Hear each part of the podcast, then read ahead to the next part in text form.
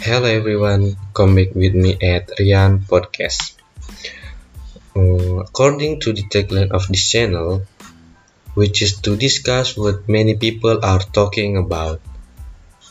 Last episode, we reviewed the film. Now it's different. In this episode, we will discuss the Undang-Undang Cipta Kerja that has been passed which yesterday was demonstrated by students and workers on October 7, 2020, because there are points that are detrimental to the people, especially workers.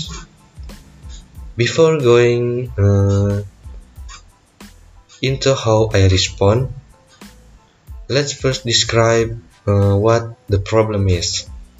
Reporting from um, Detik Finance, the following points have been protested by the workers, uh, namely that the district or city minimum wage is removed, severance pay is reduced, work contract without time limit, lifetime outsourcing, compensation of obtained if you have worked for at least one year.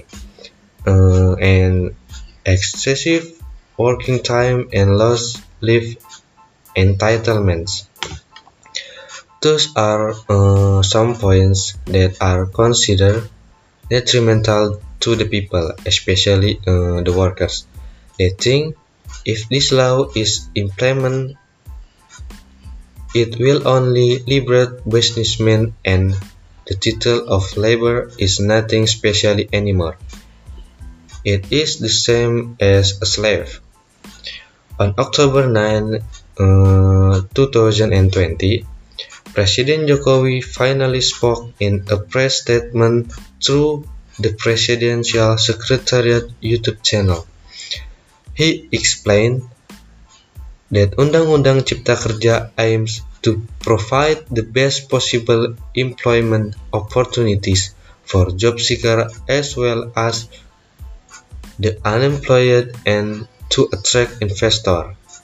He also uh, emphasized uh, that if there is still dissatisfaction, the Undang-Undang Cipta Kerja is to file a judicial review through the Constitutional Court.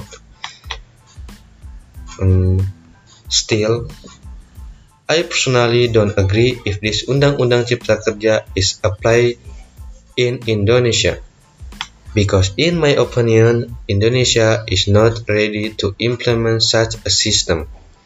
Honestly, I haven't read all the draft Undang-Undang Cipta Kerja because there are so many pages. Although uh, I haven't read the complete draft, I think identifying uh, problematic articles can be a basis for disagreeing. Moreover, the legalization process was not completely transparent and even tended to be rushed, as if there were personal interests in it, which caused doubt from the people to the government. Uh, this, this is especially true in times of pandemics and recession, where everyone has to endure uh, this difficult condition and the government should uh, prioritize how to stop the spread of the, this virus and focus on how to prevent uh, us from falling into the abyss of a more safe recession.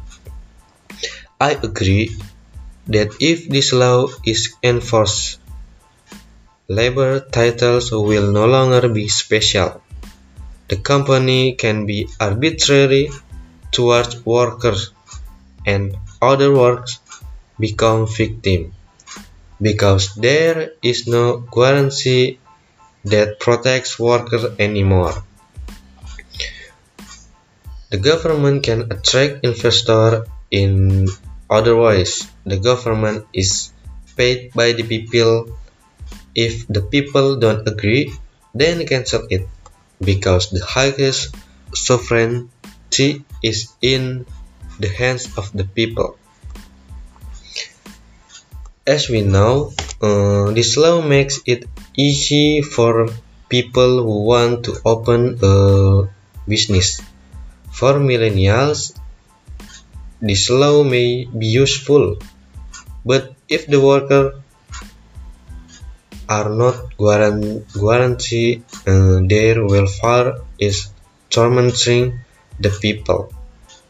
Therefore, we shouldn't focus on just one thing and neglect other things.